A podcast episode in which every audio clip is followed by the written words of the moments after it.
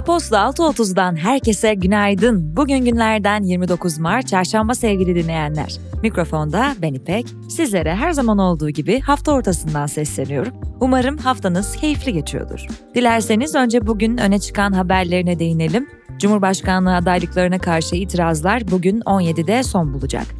Memleket Partisi ve Deva Partisi'nden Erdoğan'ın adaylığına tekrar ve son kez itirazlar geldi. Öte yandan Erdoğan, Cumhur İttifakı'na katılan Yeniden Refah Partisi lideri Erbakan'ı genel merkezinde ziyaret etti. Erbakan yaptığı açıklamada seçime kendi listeleri ve logolarıyla gireceklerini fakat Cumhurbaşkanlığı seçiminde Cumhur İttifakı'nı destekleyeceklerini duyurdu. Kılıçdaroğlu'nun ise bugün Muharrem İnce'yi ziyaret etmesi bekleniyor. Bugünün bülteni Legalmatik ile birlikte ulaşıyor. Akıllı sözleşme platformu Legalmatik, kullanıcılara sadece 4 adımda ihtiyaçlarına uygun sözleşmeler hazırlama imkanı sağlıyor. 6.30 dinleyenlerinin diledikleri sözleşmeyi %25 indirimli olarak hazırlayabildikleri Legalmatik için ayrıntılar bültende. Piyasalar ve ekonomi Dünya Bankası, küresel ekonominin 2022 ila 2030 arasında ortalama potansiyel büyümesinin yılda %2,2 ile 30 yılın en düşük seviyesine gerilemesinin beklendiğini açıkladı. Yayımlanan raporda gelişmekte olan ülkelerin ortalama potansiyel büyüme oranının ise bu dönemde yılda %4'e düşeceği kaydedildi. Türkiye Beyaz Eşya Sanayicileri Derneği verilerine göre 6 ana grupta üretimin Şubat ayında bir önceki yılın aynı dönemine göre %2 oranında artmasına karşın sektör satışlarının dörtte üçünü oluşturan ihracat daralmaya devam ederek yıllık bazda %13 azaldı. Toplam beyaz eşya satışları da %7 oranında daralarak 5 milyon 7 bin adet oldu.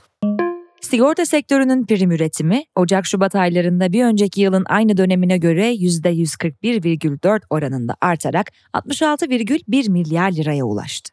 Türkiye Sigorta Birliği verilerine göre yılın ilk iki ayında sektörün reel büyümesi ise %55,5 olarak gerçekleşti. Avrupa Birliği Konseyi üye ülkeler ve Avrupa Parlamentosu, üçüncü ülkelerin Avrupa Birliği'ne ticari baskı yapmasını caydırmak üzere öne sürülen Baskı Önleme Enstrümanı adlı ticari misilleme mekanizması konusunda uzlaşı sağladı. Gümrük vergilerinin artırılması, ithalat ve ihracat lisansları uygulanması, hizmet veya kamu ihalelerinde sınırlama gibi uygulanabilecek tedbirleri üye ülkeler belirleyecek. İş dünyası ve finans Kira dahil yıllık gelir vergisi beyanname verme süresiyle varlık barışı uygulamasından yararlanma dönemi 31 Mart Cuma günü sona erecek.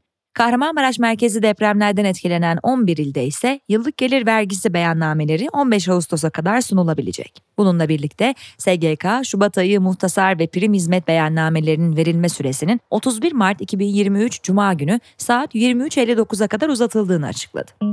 Sermaye Piyasası Kurulu Halkbank'ın 4 milyar 969 milyon 121 bin liralık, Vakıfbank'ın ise 7 milyar 111 1 milyon 364 bin liralık tahsisli sermaye artırımını onayladı. Demirören Holding'in Doğan Medya grubunu satın almak için 2018 yılında Ziraat Bankası'ndan kullandığı 895 milyon dolarlık kredi borcunun yalnızca %3,2'sini ödediği ortaya çıktı. T24'ten Eray Görgülü'nün haberine göre 22 Şubat 2022 tarihinde imzalanan yapılandırma tutarıyla birlikte 1 milyar dolara geçen borçla ilgili ticari sır olduğu gerekçesiyle bugüne kadar açıklama yapılmamıştı.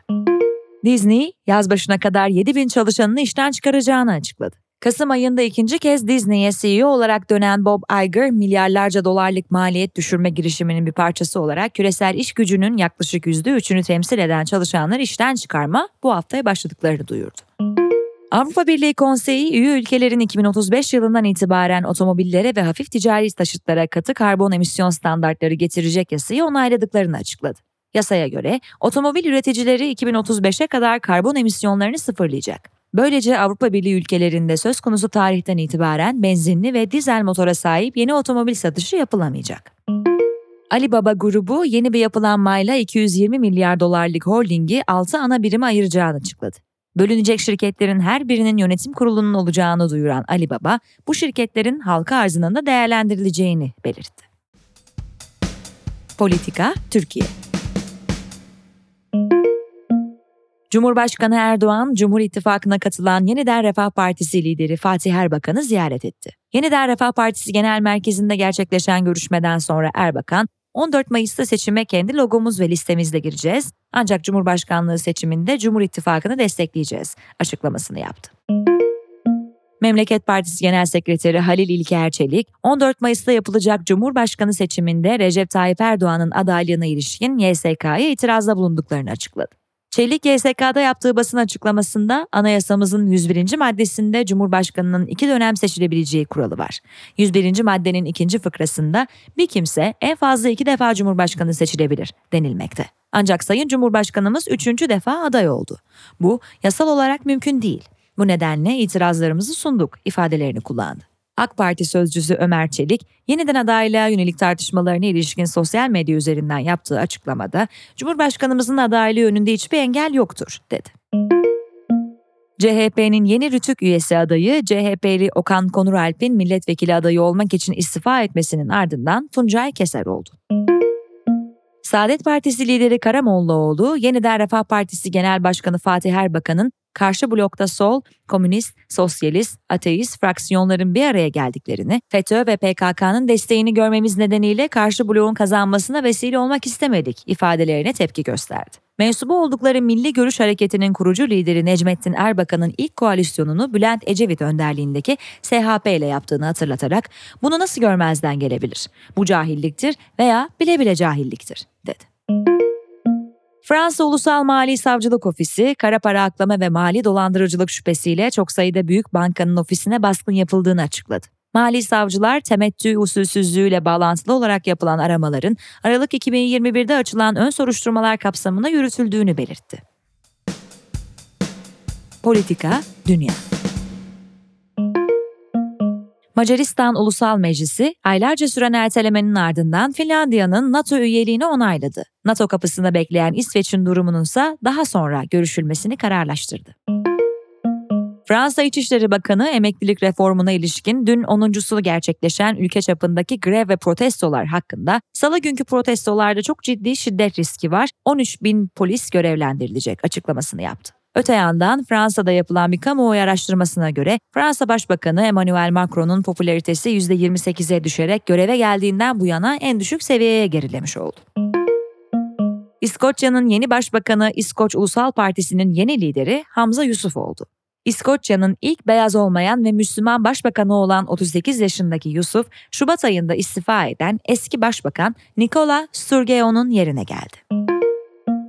Yunanistan Başbakanı Kyriakos Mitsotakis genel seçimlerin 21 Mayıs'ta gerçekleşeceğini açıkladı. Teknoloji ve girişim İsveç Savunma Bakanlığı, TikTok'un Çin hükümetine yakınlığı ve kullanıcı verilerini elinde tutmasıyla ilgili endişeleri nedeniyle personelin iş telefonlarında uygulamanın kullanılmasını yasaklandığını duyurdu. Elon Musk, 15 Nisan itibarıyla yalnızca Twitter Blue aboneleri olan doğrulanmış hesapların tweetlerinin sizin için akışında başka kullanıcılara gösterileceğini ve anketlerde oy kullanma imkanının da sadece Twitter Blue abonelerine özel olacağını duyurdu. Konuya ilişkin açıklamasında Musk, söz konusu değişikliklerin gelişmiş yapay zeka bot sürülerinin yönetimi ele geçirmesini engellemenin tek gerçekçi yolu olduğunu ifade etti. Tesla'nın 4 Nisan'da Türkiye pazarına gireceği açıklandı. Tesla'nın Instagram'dan paylaştığı Türkiye 44 yazılı gönderide elektrikli SUV modeli Model Y'nin görseli yer aldı. Hürriyetten Taylan Özgür değil, tarihi doğrularken Tesla'nın ilk etapta İstanbul'da iki mağaza açacağını yazdı. FTX'in kurucusu Sam Bankman-Fried'in avukatları bir süredir devam eden pazarlıkların ardından savcılarla Fried'in kefalet koşulları hakkında anlaşmaya vardıklarını bildirdi. Anlaşmaya göre Fried'in internet özelliği olmayan bir telefonu ve sınırlı işlevlere sahip temel bir dizüstü bilgisayarı olacak ancak diğer elektronik iletişim cihazlarını kullanması yasaklanacak. Fried'in kullanacağı bilgisayarda bir takip yazılımı da olacak. Kripto para borsası Binance ve şirketin CEO'su düzenleme ihlalleri gerekçesiyle ABD Emtia Vadeli İşlemler Komisyonu tarafından dava edildi. Komisyon, Binance'in komisyona uygun şekilde kaydolmadığını ve bazı yükümlülüklerden kaçtığını iddia etti.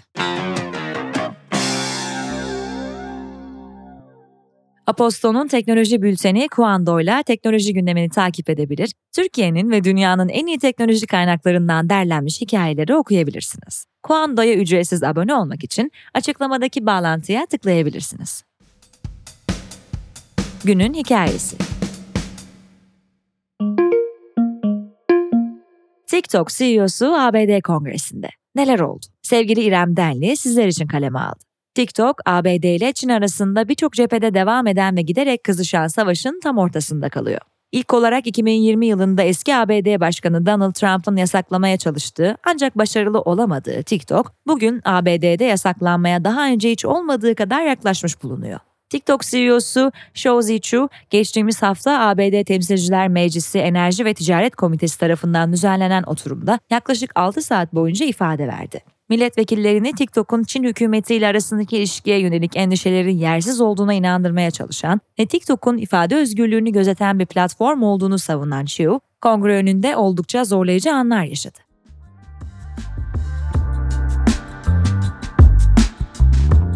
Bugünün bülteni Legal Matik'le birlikte ulaştı sevgili dinleyenler. Mikrofonda Beni Pek size harika bir çarşamba öğleden sonrası ve haftanın geri kalanında da güzel günler diliyorum. Yarın tekrar görüşünceye dek hoşçakalın.